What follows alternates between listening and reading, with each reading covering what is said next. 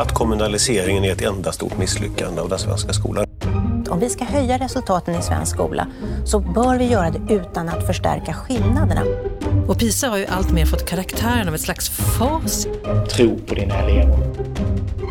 Hej och välkomna till Jakten på den jämlika skolan.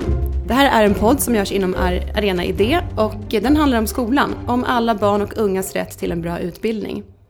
Vi kommer att fördjupa oss i de olika utmaningar som finns för att skolan ska kunna fungera likvärdigt för alla elever oavsett bakgrund och behov. Jag som pratar nu heter Vesna Prekopic och bjuder idag på ett samtal som inte är ämnesspecifikt utan snarare personspecifikt. Dagens gäst är en person med många års erfarenhet inom skolan. Han har bland annat varit skolborgarråd i Stockholms stad, chef för barn och ungdomsförvaltningen i Botkyrka, utvecklingschef på Skolverket och är just nu statssekreterare åt gymnasieminister Anna Ekström. Han har sagt att skolans uppgift är att frigöra barn från de bojor och begränsningar som ekonomisk, social och kulturell fattigdom utgör. Välkommen säger jag till Erik Nilsson. Mm, tack så mycket. Eh, väldigt kul att du är här Erik. Och eh, vi småpratade lite nu innan sändningen och kom fram till att, eller jag kanske konstaterade mest, att du är väldigt bred. Med många års erfarenhet av, eh, av skolan då på olika sätt. Och det här så som jag, ditt lilla, eller det här sista citatet, mm. det tycker jag att det har varit väldigt tydligt när det gäller dig. Att det verkligen är likvärdighet som du kämpar för. Att alla barn, alla ungdomar, alla elever ska ha en, en bra, en bra mm. skola. Mm. Och eh, jag tänkte börja med att ställa en väldigt då stor fråga. Eh, skulle du kunna beskriva hur den ideala jämlika skolan ser ut för dig?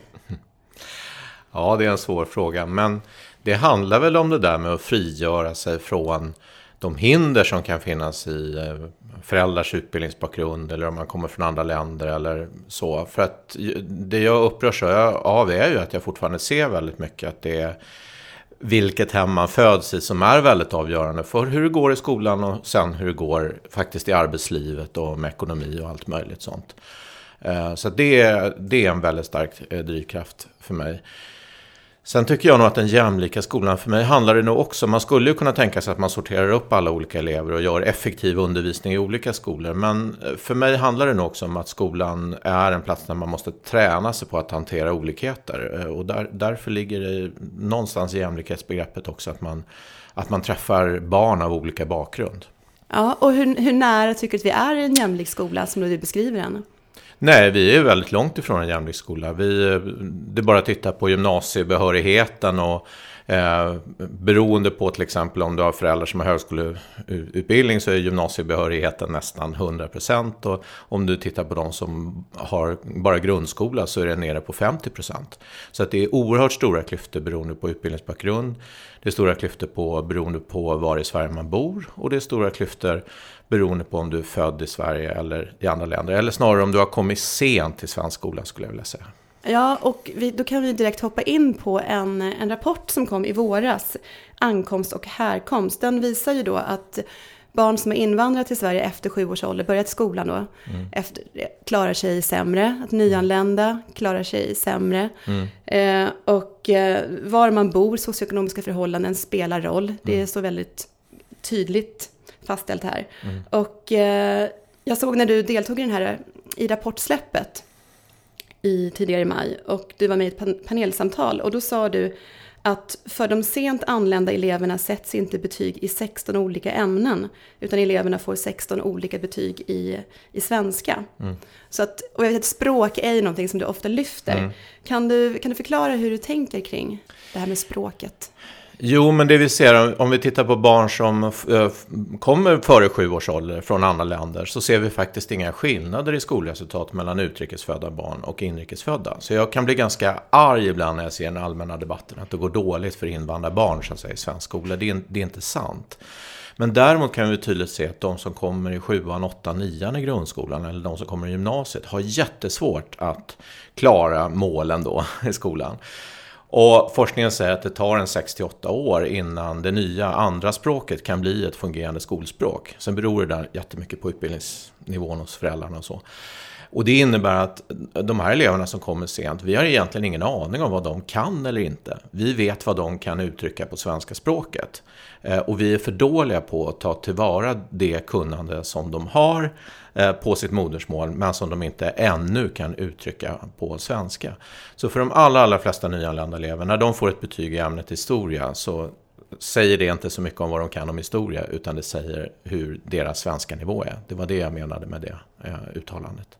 Och då tänk, när du säger det, då tänker jag att det är ju inte ett nytt fenomen att svensk skola får elever, eh, vare sig de är nyanlända, eh, har invandrat med sina föräldrar, ja, hur de än har kommit hit, men mm.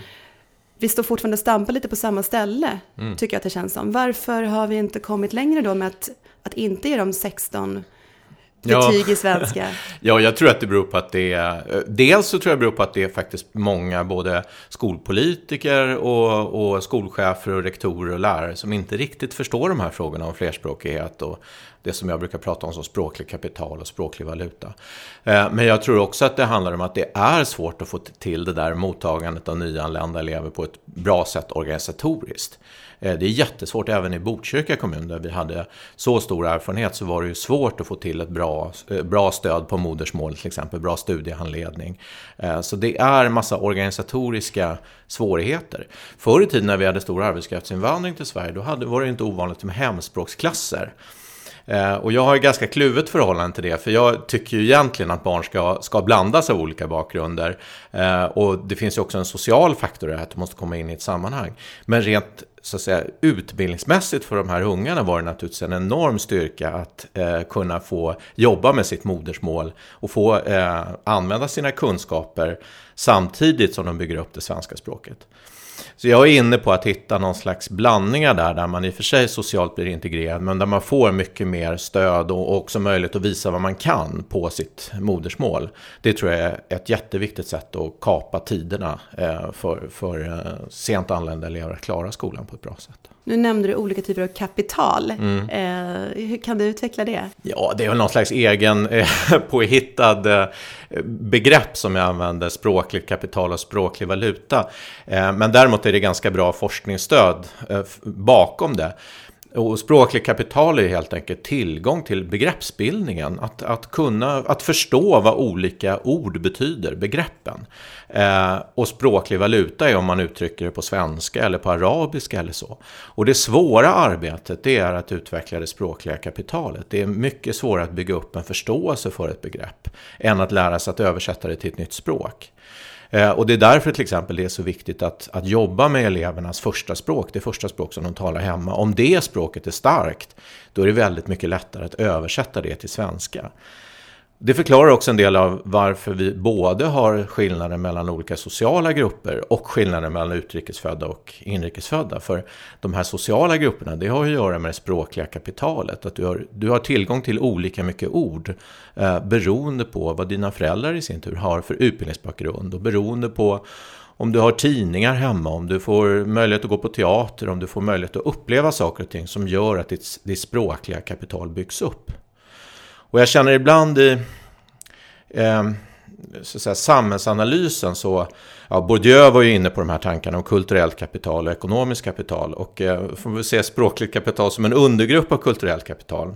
Men för mig så förklarar det väldigt, väldigt mycket av hur klasskillnader nedärvs mellan generationer. Eh, och den forskning som finns visar ju på att det kan skilja enormt mycket i ordförråd till exempel mellan barn som, som är barn till akademikerföräldrar och barn som är eh, eh barn till, till, till arbetare. Så, eh, så för, för mig har det varit ett väldigt mm, bra verktyg att förstå hur klasskillnaden nedärvs. Också då en väldigt stark utmaning för förskolan och skolan. Hur kan vi göra att de ungar som inte har dagstidningen hemma som inte har en, en förälder som har studietradition och ett, ett rikt språk. Hur kan vi bygga det språket eh, för de ungarna också?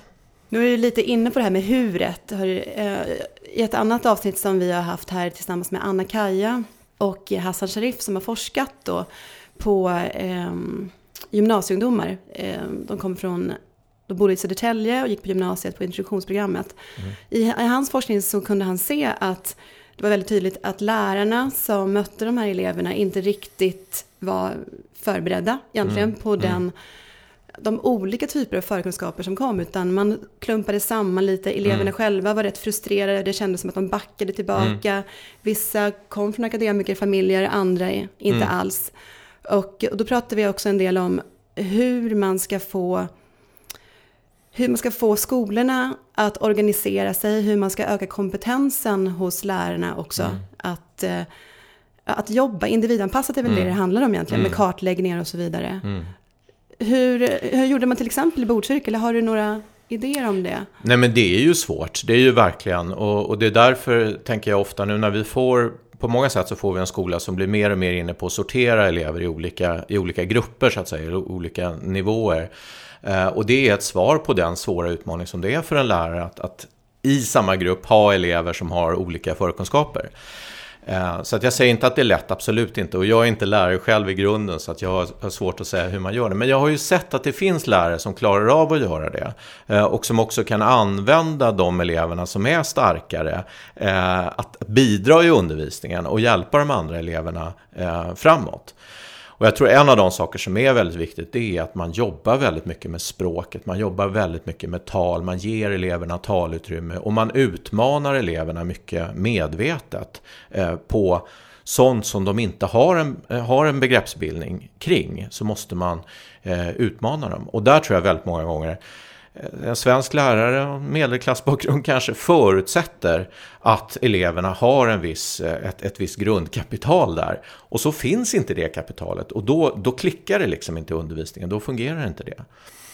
Ja, men verktyg är väl att, att jobba mer. Eh, om du tar utrikesfödda elever och nyanlända elever, då är det ju att göra en riktigt bra kompetenskartläggning och se vad de har med sig hemifrån, från sitt hemland. Att inte lägga undervisningen på en alltför låg nivå därför att man ser att de har en dålig svenska. Ja, det kan vara så, men det kan ju vara så att de kan jättemycket matte, fast de inte kan uttrycka det på svenska. Och då, då gäller det att ha koll på var man ligger någonstans eh, först. Så.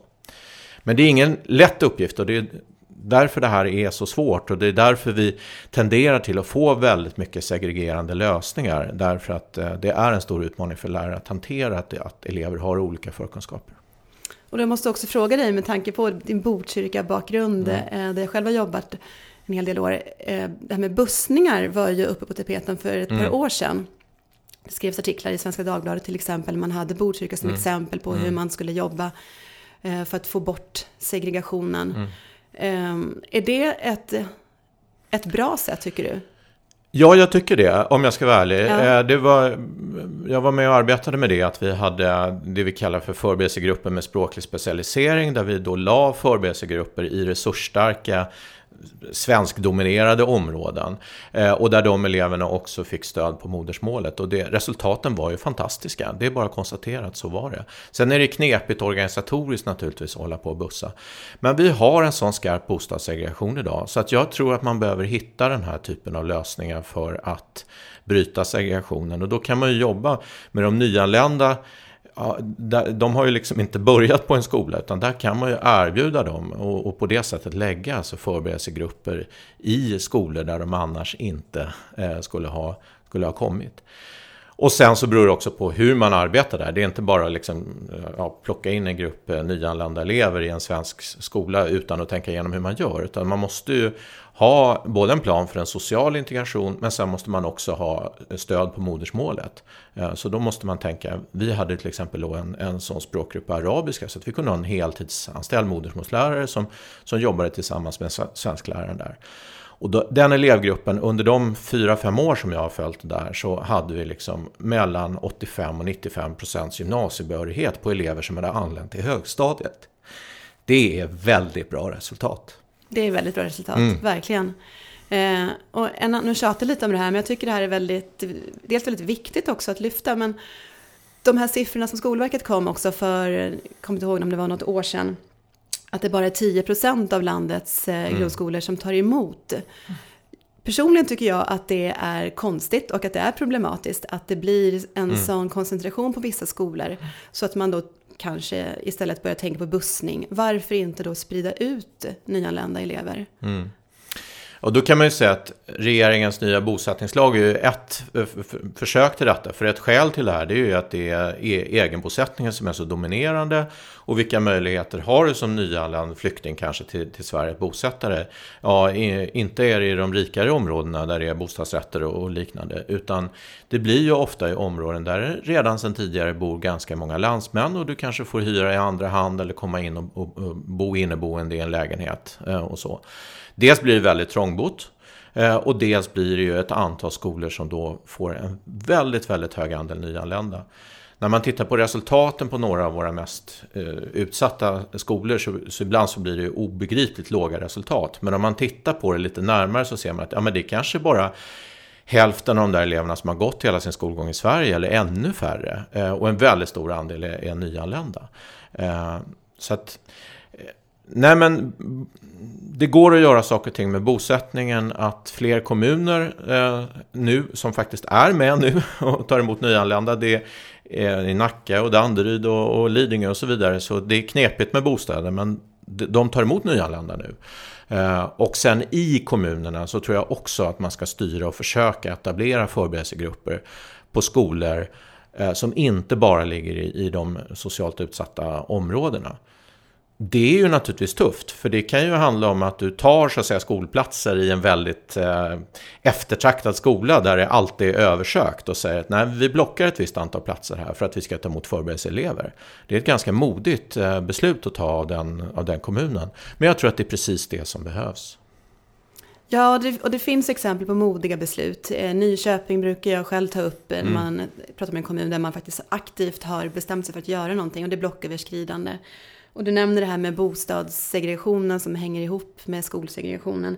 Eh, vi hade också ett avsnitt här med, med Jonas Vlachos bland annat som, då pratade vi väldigt mycket om lottning och de här förslagen som kom fram mm. med Skolkommissionen. Och eh, han, eh, om jag inte minns fel nu, så sa han att Ja, det finns ju saker man kan göra. Lottning var ju ett exempel. Ett mm. annat exempel var att, att rita om upptagningsområdena. Mm. Just för mm. att komma åt de här bitarna. Mm. Eh, tror att det är någonting som vi kommer se mer av? Att kommuner faktiskt börjar bli lite kreativa? Jag uppfattar att vi ser det just nu. Det är ett antal kommuner där man försöker tänka kring Ja, man kanske de allra yngsta barnen vill man nog att de ska gå nära där de bor och då är det svårt om du har ett väldigt segregerat boende. Eh, men till exempel så är det flera kommuner som försöker bygga skolspår, att du går kanske väldigt segregerat efter sex men sen så gör du en 7 9 organisation där elever från de fattiga områdena och de rika områdena faktiskt möts i en högstadieorganisation. Och att man försöker tänka i sin skolplanering på det sättet att man eftersträvar en, en större eh, social och etnisk blandning helt enkelt. Problemet där är lite, har ju lite att göra med marknadssituationen och om vi har en fri etableringsrätt för fristående skolor så är det ju risk att, eh, så att säga, resursstarka grupper som kanske inte vill att deras barn ska möta ut, utlandsfödda elever, att de då eh, flyr så att säga till en fristående skola om du inte kan göra en samlad planering. Så när vi pratar om de här sakerna så säger vi att det är för att bryta segregationen så behövs det, det behövs faktiskt en samlad planering och man har koll på etableringen och vi kan inte ha en fri etablering om vi ska bryta segregationen. Vi kan naturligtvis ha friskolor men då ska det vara inom ramen för en tanke på hur den friskolan ska funka i lokalsamhället. Vi behöver ha någon slags urvalsinstrument som inte i varje fall ytterligare förvärrar segregationen. Eh, och då är ju till exempel kötid då för fristående skolor ett typexempel på sånt som, ja det är ju klockrent förvärrar segregationen kan man säga. Och det tredje är att vi behöver jobba med resursfördelning och vi behöver också jobba med det som jag brukar prata om som kompetensfördelning. Alltså vi behöver titta på hur ser vi till att vi får duktiga, erfarna lärare som jobbar på de skolorna som har tuffast förutsättningar. Så det är några av de sakerna vi behöver göra för att bryta segregationen. Ja, och det, var ju, det är väldigt stora saker du, du lyfter. Jag tänker att vi eh, om du inte misstycker, faktiskt borrar lite i det här. Mm. Om, om, vi börjar bakifrån då, pratar om lärarna. Det är mm. ju helt uppenbart att vi har lärarbrist. Eh, I vissa ämnen finns det väl knappt behöriga lärare överhuvudtaget. Mm. Eh, och det talas också ofta om att i socioekonomiskt svaga, utsatta områden så är det extra svårt. Mm. Eh, där är det störst andel obehöriga lärare och mm. så vidare. Så att, två saker egentligen. Hur ska vi få fler lärare att eller hur ska vi få fler att vilja bli lärare och att stanna mm. i läraryrket? Och särskilt då i eh, de här utsatta områdena. Mm. Ja, det, det, allmänna svaret är ju, jag, jag tror att eh, sådana saker som lön har betydelse naturligtvis. Och nu höjs ju lärarlönerna ganska rejält, både på grund av regeringens eh, lärarlönelyft, men också därför att marknaden eh, drar åt det hållet. Men det har betydelse. Eh, sen tror jag att eh, arbetsmiljön har väldigt stor betydelse. Och vi har ett problem idag där vi har Lärarna är lite klämda från två håll. Dels har vi väldigt mycket kontrollfunktioner, vi har skolinspektion, vi har massa sådana saker. Och sen har vi också väldigt mycket marknadstryck på lärarna. Föräldrar kan vara väldigt offensiva och liksom säga, men eh, sätt bättre betyg på min elev eller så, eh, så, så tar jag min skolpeng och går. Eller så säger man, flytta på den här stökiga klasskamraten, annars så tar vi våra skolpengar och går. Så att lärare blir väldigt pressade från, från flera håll i detta och känner att de inte får utöva sin, sin professionalitet ordentligt. Så att, och nu gör regeringen rätt mycket saker och i Skolkommissionen föreslås det också rätt mycket saker för att återupprätta lärares professionalitet. Och jag tror att vi har gått alldeles för långt i vårt tänkande att skolan är en vara, en tjänst som man som förälder eller brukare, om man är missnöjd, då köper man en annan vara och så plockar man ihop sitt paket. Ehm, och det, det tror jag att väldigt många lärare är, ut, eh, utsatta för. Vi ska också försöka att minska, eller hitta rätt i de administrativa uppgifterna. Vi behöver administration i skolan. Det har också att göra med professionaliteten. Att lärare måste dokumentera på ett smart sätt vad de gör för att de hela tiden ska kunna bli bättre i sin undervisning. Men visst upplever väldigt många lärare att det är väldigt mycket eh, administrativa uppgifter idag. Man måste fundera, hur mycket prov ska vi ha till exempel? Prov behöver vi, tror jag. Eh, men man måste fundera över hur ofta ska vi ha det, hur omfattande ska de vara? Eh, och så vidare. Så ett antal sådana saker. Sen är det så ska jag vara ärlig och säga att i några av våra mest utsatta områden så har vi en väldigt tuff social eh, situation. Eh, och trots att det är många av skolorna där som, som har ganska höga löner och, och jobbar mycket bra på många sätt och vis så är det det finns en, del, en, en viss lärarkategori som älskar att jobba i de där skolorna och gärna är där. Men visst är det svårare att, att rekrytera och visst ser vi att det ofta är nyutbildade som kanske tar sina första lärospån där. Istället så kanske vi borde ha de mest erfarna lärarna som är där. Och jag tänker att det handlar också då om att staga upp den, den sociala miljön på de här, försöka göra det på de här skolorna. Och det har ju att göra med det här med urvalen som jag nämnde och planeringen. Om du får skolor som inte hela tiden dräneras på de här duktiga eleverna och de här eleverna som vill saker och ting och som har med sig mycket hemifrån, då skapar vi också bättre lärandemiljöer. Om vi har skolor som i praktiken är eh, genomgångsskolor hela tiden där de mest resursstarka eleverna försvinner därifrån. Det blir ganska tungt att jobba som lärare i en sån skola. Så att vi behöver göra olika saker där, både lön men jag tror kanske att arbetsmiljön har större betydelse. Och i vissa fall så tror jag också man behöver eh, större sociala insatser helt enkelt. För att du kanske behöver andra personalkategorier som finns i skolan i en, i en del av de här områdena. Personalkategorier som har när, nära kontakt med hemmet till exempel. Som, som för en del elever som nästan behöver punktmarkera dem. Jag såg på nyheten igår om skolakuten. Mm. Eh, och nu minns jag inte var den ligger någonstans, men i Stockholm i alla fall. Ja, på Södermalm. Just det, på Södermalm. Där de har full, eh, mm. fullt mm. helt enkelt. Och ja. de tar hand om 40 elever på ett år och mm. jag tror det var kanske sex lärare på fyra elever. Mm. Det är elever som tillfälligt mm. behöver lugn och ro egentligen. Mm. Och i det reportaget så pratar de om att det är ett ganska hårt tryck för att det är många skolor som hör av sig och behöver andas en stund, låter det som, innan de kan få till det. Och det här med att integrera elever, att ha dem kvar där de ska vara, det låter ju väldigt fint. Men det kan ju också finnas skäl till att elever kanske behöver någonting annat. Eh, mm. Vi har ju i Sverige också någon typ av behandlingsskolor, man går i skola och får behandling samtidigt. Mm. Den här sociala problematiken som man pratar om.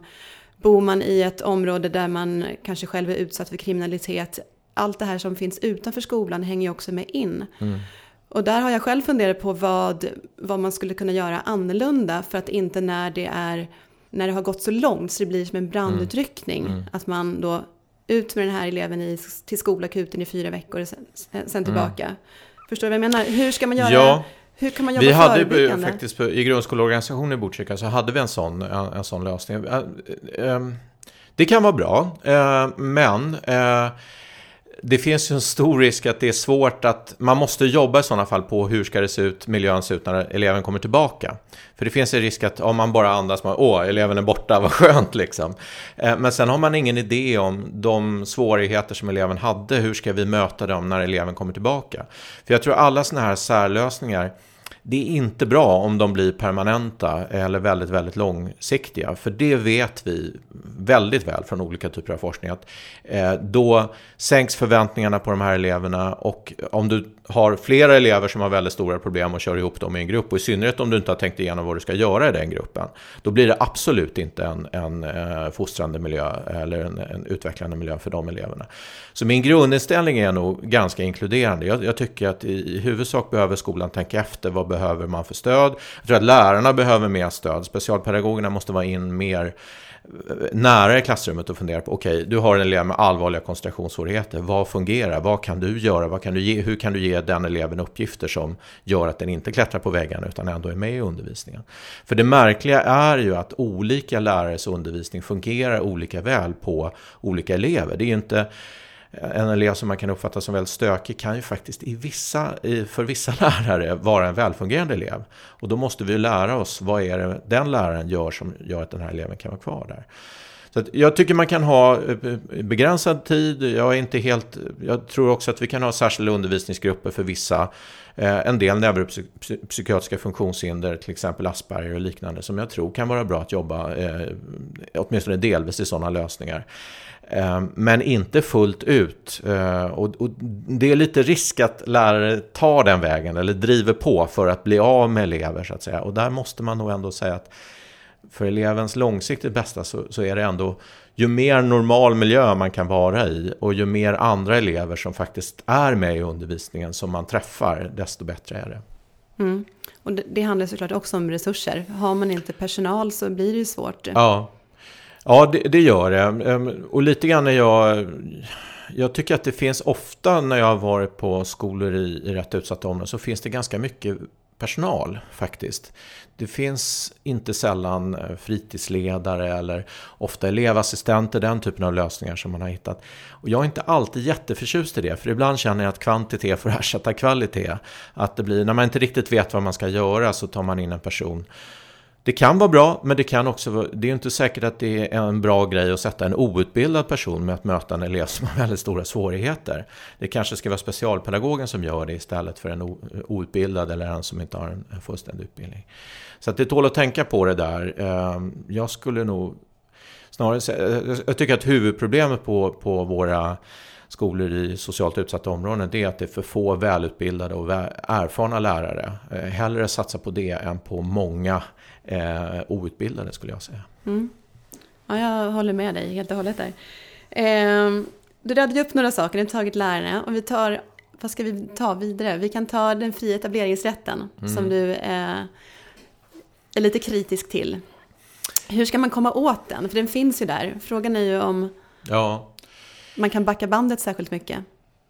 Nej, det är, det är en svårighet och jag, jag tänker väl att eh, de fristående skolor som finns eh, eh, tror jag inte att det, eh, det kommer att vara jättesvårt att lägga ner dem så att säga. Eh, men däremot så tror jag kanske att, att de ska, ska vara en del av en, en samlad planering för ett, en kommun eller ett om, geografiskt område. Så att de liksom kommer in i det perspektivet på något sätt. Och jag tror också att man när man när de an ansöker om att få etablera en ny skola så tycker jag att Skolinspektionen ska vara mer kritiska i sin, när de gör, beslutar om tillstånd eller inte. Och då ställa frågan, vilken segregerande effekt kan etableringen av den här fristående skolan få till exempel?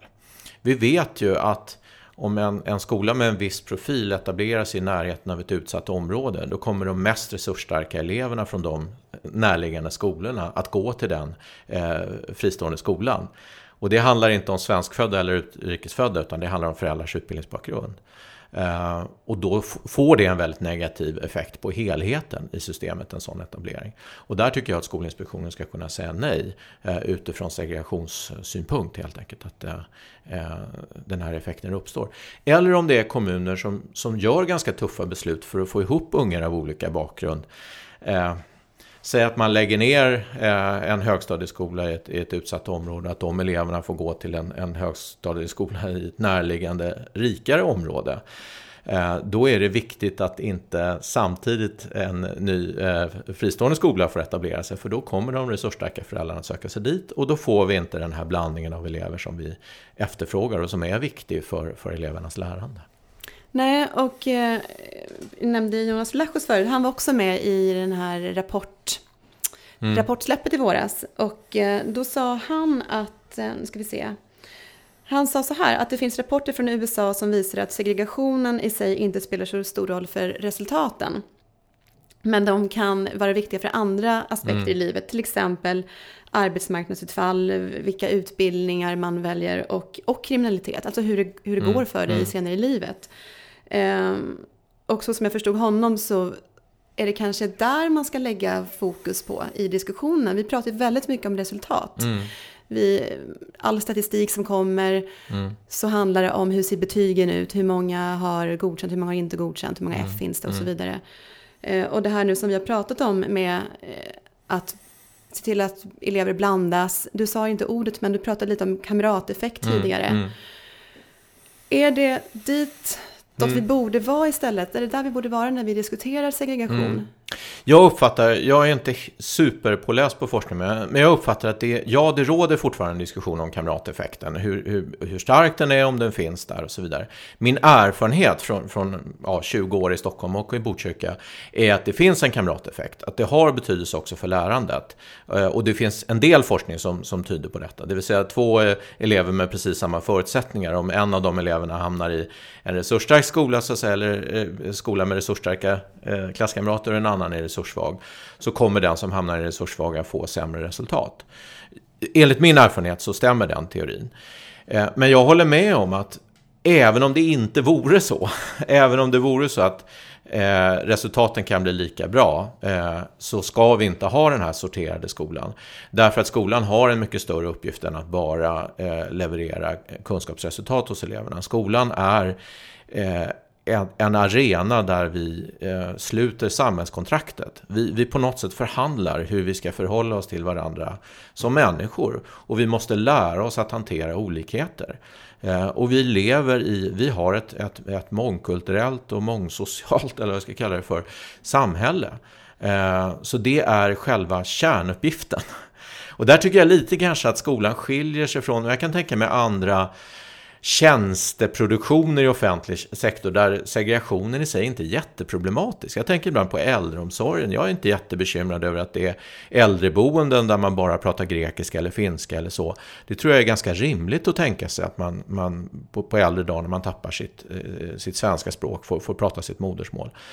Men skolan är någonting annat. Det är, det är där vi bygger samhälle och, och samhällskontrakt. Så att, jag är inte beredd att ge upp det där om kamrateffekter och resultat. För, det, för mig så, så finns det där ändå. Och, och det finns som sagt var en del forskning som stöder det. Men ändå så behöver vi argumentera för en mer blandad skola. Det skulle jag vilja påstå. Och det tror jag är väldigt många också borgerliga tänkare, ganska konservativa tänkare som är bekymrade när de ser att ja, men det här med skolan som en, en, en bildningsinstitution, skolan som överför ett, ett slags gemensamt, eh, ja, någon, någon slags ramar värderingsmässigt och kulturellt kanske.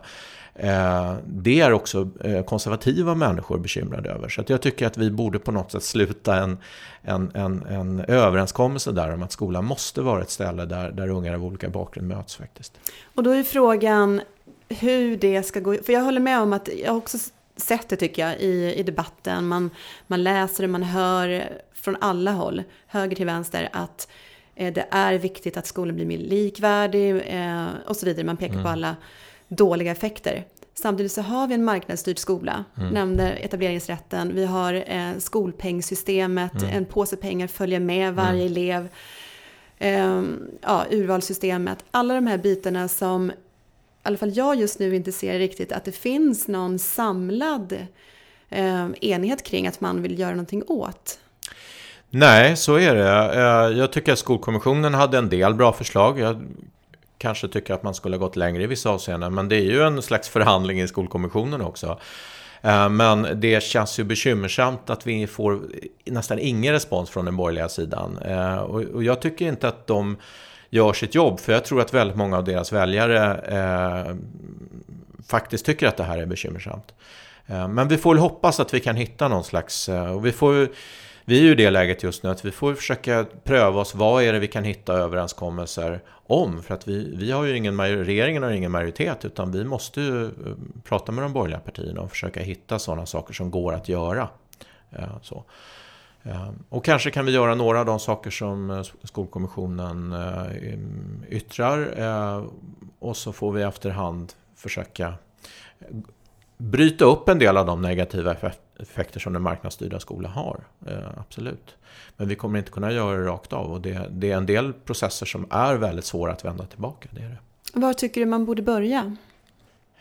Ja, regeringen börjar ju nu med det här med resursfördelningen kan man säga, där man styr mellan kommuner efter behov i högre utsträckning. Så ett, ett ganska kraftigt påslag med statsbidraget. Eh, och tanken där är ju också att kommuner internt då, ska styra om resurser mycket mer efter behov. Det är inte oviktigt, det är en pusselbit som man behöver göra. Eh, sen tycker jag att det här med att den Eh, bättre kontroll över etableringsrätten. Det finns ett förslag från den här skolkostnadsutredningen att Skolinspektionen ska, ska kunna ta hänsyn till likvärdighetsfrågorna också när man, när man säger ja eller nej till etablering av en ny friskola. Det löser inte alla problem men det är en liten pusselbit. Va? Eh, jag tycker att den här frågan om urval, kan vi hitta urval som i varje fall inte är fullt lika segregerande som vi har idag. Det är också en sån sak. Och sen tror jag att väldigt mycket, som jag sa tidigare, det görs mycket ute i kommunerna nu när man försöker tänka igenom, du nämnde Nyköping, jag vet att man jobbar i Uppsala, man jobbar i Malmö. På flera ställen försöker man sätta skolorganisationer eh, så att det naturligt blir så att eh, elever möts. Eh, och det tror jag går att göra en hel del på, åtminstone i de geografiska områden där så att säga, de rika och fattiga bor hyggligt nära varandra, då, då kan man hitta den typen av lösningar. Mm. De här eh, pengarna nu som kommer mm. extra resurserna, finns det någon, någon konkret tanke bakom eh, dem? Alltså hur man skulle önska att de används?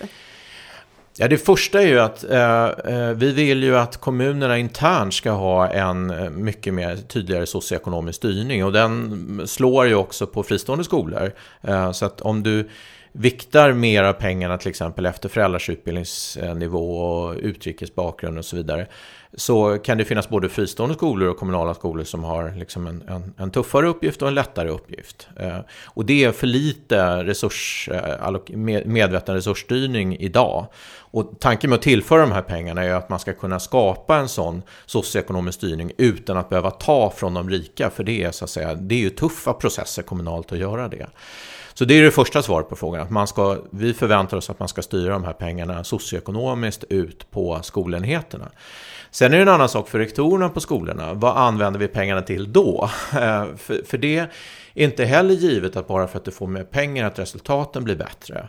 Utan ja, bland annat handlar det om det som du och jag pratade om tidigare. Jag tror att det är viktigt att hitta modeller för att du får erfarna, ämneskunniga lärare Eh, sätt fokus på, på det och då kanske du kan eh, ha, ligga lite högre med lönerna så att säga för, för att kunna attrahera sådana lärare.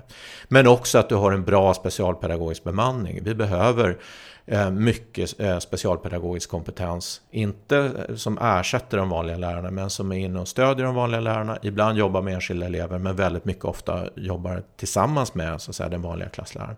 Det tror jag också är en sån insats som man behöver. Språkstöd är en annan. Återigen, jag tycker att vi är alldeles för dåliga på att möta nyanlända elever. Och då handlar det både om att kunna ha en studiehandledning på modersmålet, att kunna ha en modersmålslärare permanent så att säga, på skolor eh, där det språket finns någorlunda väl företrätt. Och så. så det där är exempel där det finns ganska bra forskningsstöd för att det här är insatser som, som, som förbättrar resultaten.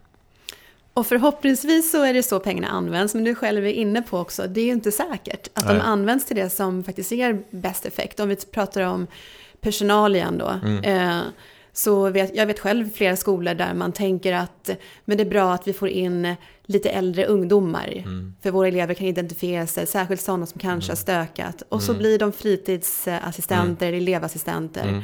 Men är inte särskilt utbildade mer än att de är utbildade själva. Inom, mm. De har gjort sin skolakarriär som gick sådär och nu har de tänkt till och, och mognat och, och, kan vara en mm. stöttning och förebild. Eh, förebild. Istället då för att kanske lägga pengar på en specialpedagog eller liknande. Mm. Finns det någonting som man tänker sig att man ska göra för att pengarna ska användas då till det man tycker är rätt. Ja, men det är också så att eh, Skolverket jobbar mycket mer eh, stödjande ut mot, mot kommunerna idag för att försöka hjälpa med vad vet vi, vad vet vi forskningsmässigt och hur kan man jobba med det här? Så man jobbar ju med det stora arbete som man kallar för Samverkan för bästa skola. Och i Skolkommissionen finns det också ett annat förslag som jag tycker är väldigt bra. Och det är att det ska finnas en regionalt närvarande skolmyndighet som kan vara mycket mer stödjande gentemot eh, ja, det vi kallar huvudmän, alltså eh, skolstyrelser i kommunen och skolchefer och sådana som jag var tidigare.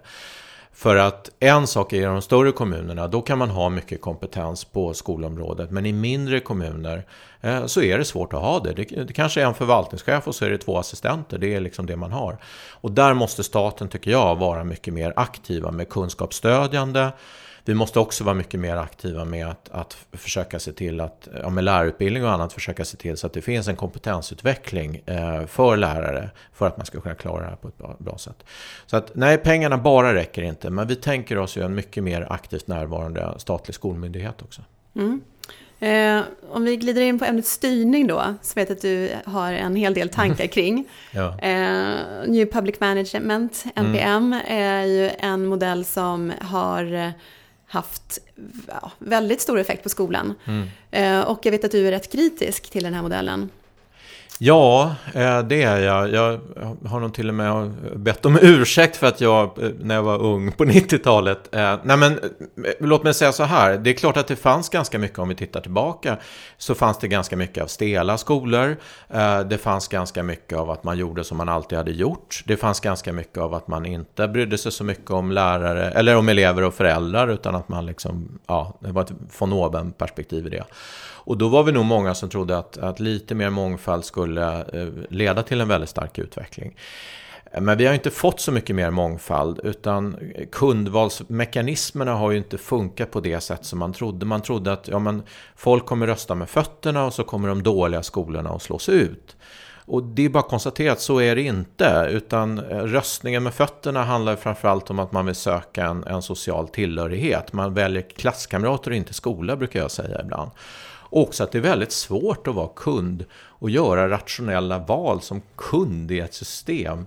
Jag menar, jag har 20 års erfarenhet som politiker och, och, och, och skolchef. Men när jag ska välja skola till mina barn har jag någon egentlig kunskap om kvaliteten i de skolorna? Nej, inte särskilt. Däremot kan jag möjligen bedöma hur bra skolledningen är på att göra presentationer. Men har jag någon som helst uppfattning om hur det funkar i samspelet mellan lärare och elevhälsa eller hur duktiga lärarna är i sin undervisning? Nej, det har jag naturligtvis inga som helst möjligheter att bedöma.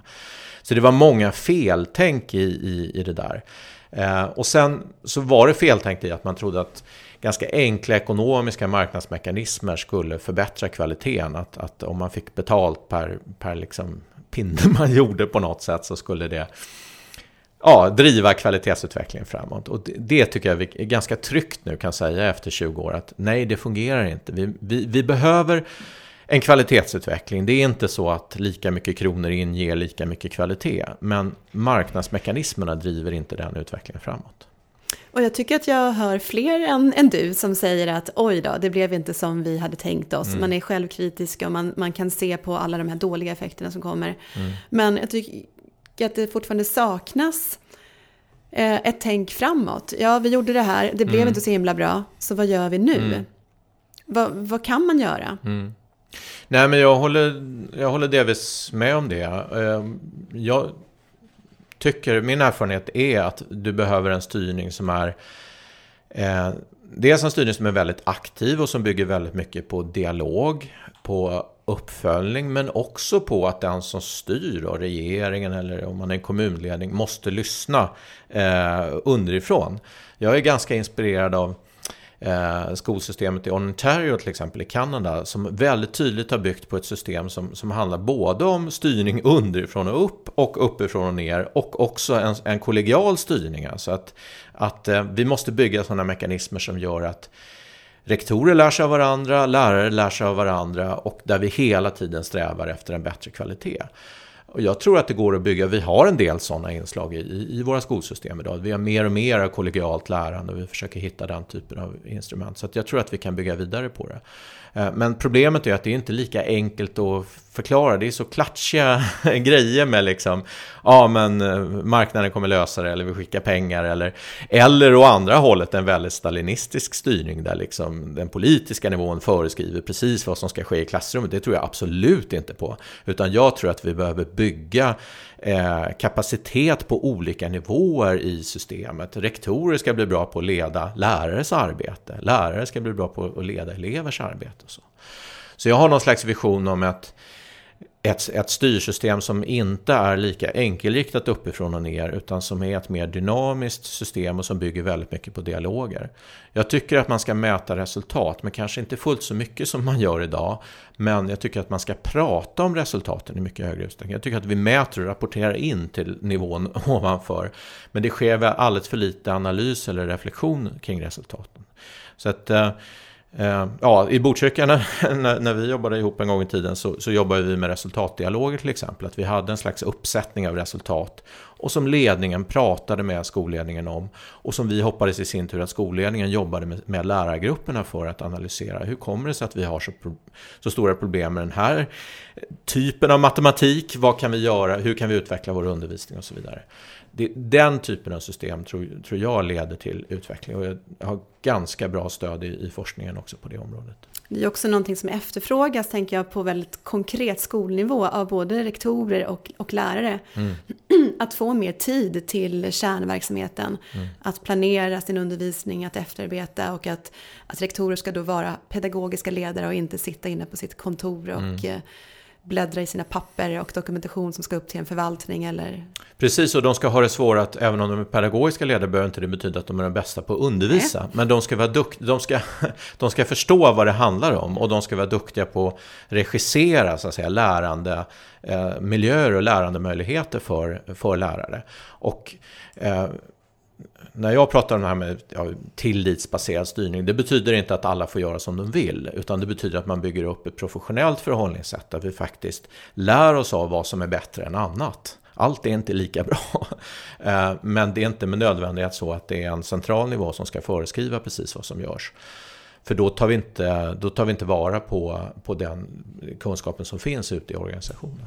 De skolor då som inte presterar tillräckligt när det gäller resultat eller där det är stökigt, oroligt. Vi kan använda eh, många ord för det.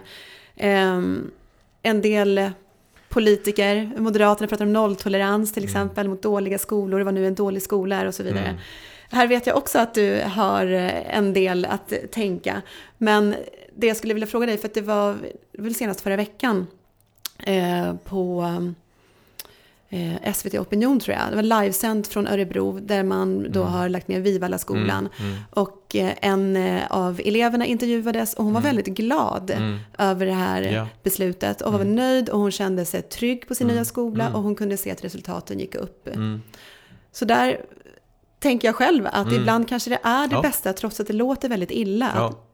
Nej men jag delar den uppfattningen. Jag blir arg för att eh jag tycker att det är en sån enkel debatt att säga att det är en dålig skola. Eh, och säga vi ska lägga ner de dåliga skolorna. Och alla som vet någonting vet att det kan vara skolor som kämpar jättehårt. Men förutsättningarna är omöjliga. Att du nästan, ja, du får en väldigt stor andel nyanlända elever hela tiden. Och de resursstarka flyttar därifrån. Så det är mer det, det sättet att beskriva det som eh, bra och dåliga skolor. Jag avskyr de här rankinglistorna som jag tycker är helt fruktansvärda. Eh, för det avspeglar inte hur bra skolan är. Det avspeglar bara hur, elev, eh, hur elevsammansättningen ser ut.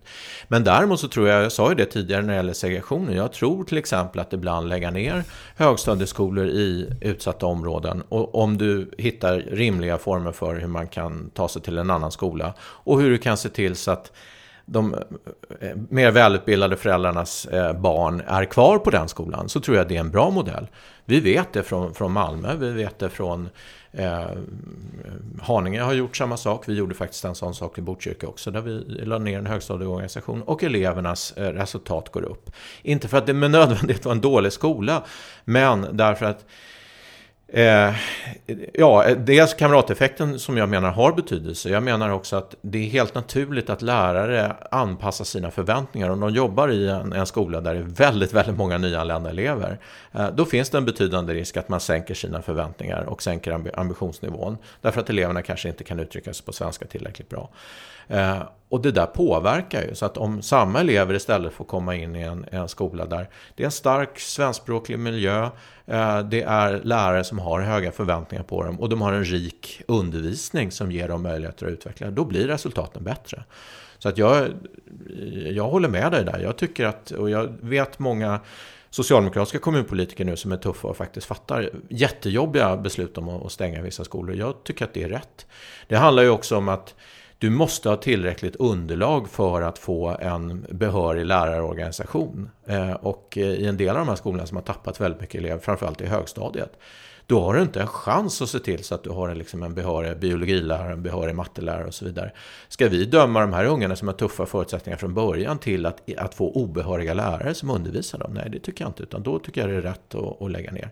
Utan det jag har vänt mig mot det är nog mer det där slarviga stäng, lös alla problem genom att stänga skolorna och det Moderaterna får ju fundera över det är ju om de är beredda att se till så att när de här eleverna rör på sig att eh, föräldrarna i de skolorna eh, i medelklassområdena eh, inte försvinner därifrån. Utan för de måste också, så, så måste det funka. De måste också vara beredda att och se att det är elever från fattiga områden som går i deras klasser också. Ja. Eh, en avslutande fråga då, för nu har tiden gått väldigt snabbt. Eh, skolan ses ju ganska ofta som en isolerad verksamhet. Eh, man pratar om skola utan mm. att komma ihåg att det är en del av samhället. Vi har ju mm. pratat ganska mycket om det tycker jag här mm. ändå. Och det jag funderar, för att om man tänker kritiker, de kritiska röster som finns mot till exempel lottning eller att eh, blanda elever utifrån att man gör om upptagningsområden och, och så vidare brukar hävda att men ska man verkligen offra eh, kunskaperna, ska man offra resultaten bara för att det finns någon idé om ett bättre samhälle? Och jag tycker ju att man måste prata så om mm. skolan, mm. Mm. att det inte bara är resultat. Eh, och om en jämlik skola också handlar om ett jämlikt samhälle. Har du någon tanke kring hur man kanske måste ändra retoriken? Ja, nej, det vet jag inte om jag har någon, någon tanke på retoriken, men däremot så jag tillhör de som tycker att vi behöver angripa segregationen på massa olika fronter samtidigt. Eh, ja, det är saker vi kan göra i skolan och det ska vi göra. Eh, och vi kan inte säga bara för att det är bostadssegregation så kan vi inte göra någonting i skolan. Men jag menar ju att vi naturligtvis också behöver göra någonting åt bostadssegregationen. Och vi behöver göra någonting åt den strukturella arbetslösheten som gör att människor blir fattiga helt enkelt.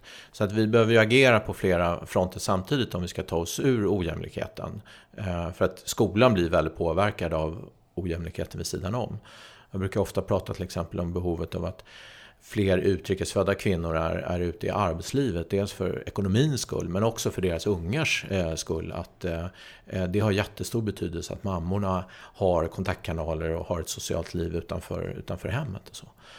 Um, så att jag vill ju se skolan som en del av en större jämlikhetsvision eh, så att säga. Om, om, om att vi har, vi har fått ett alldeles för uppdelat och ett alldeles för ojämlikt eh, samhälle.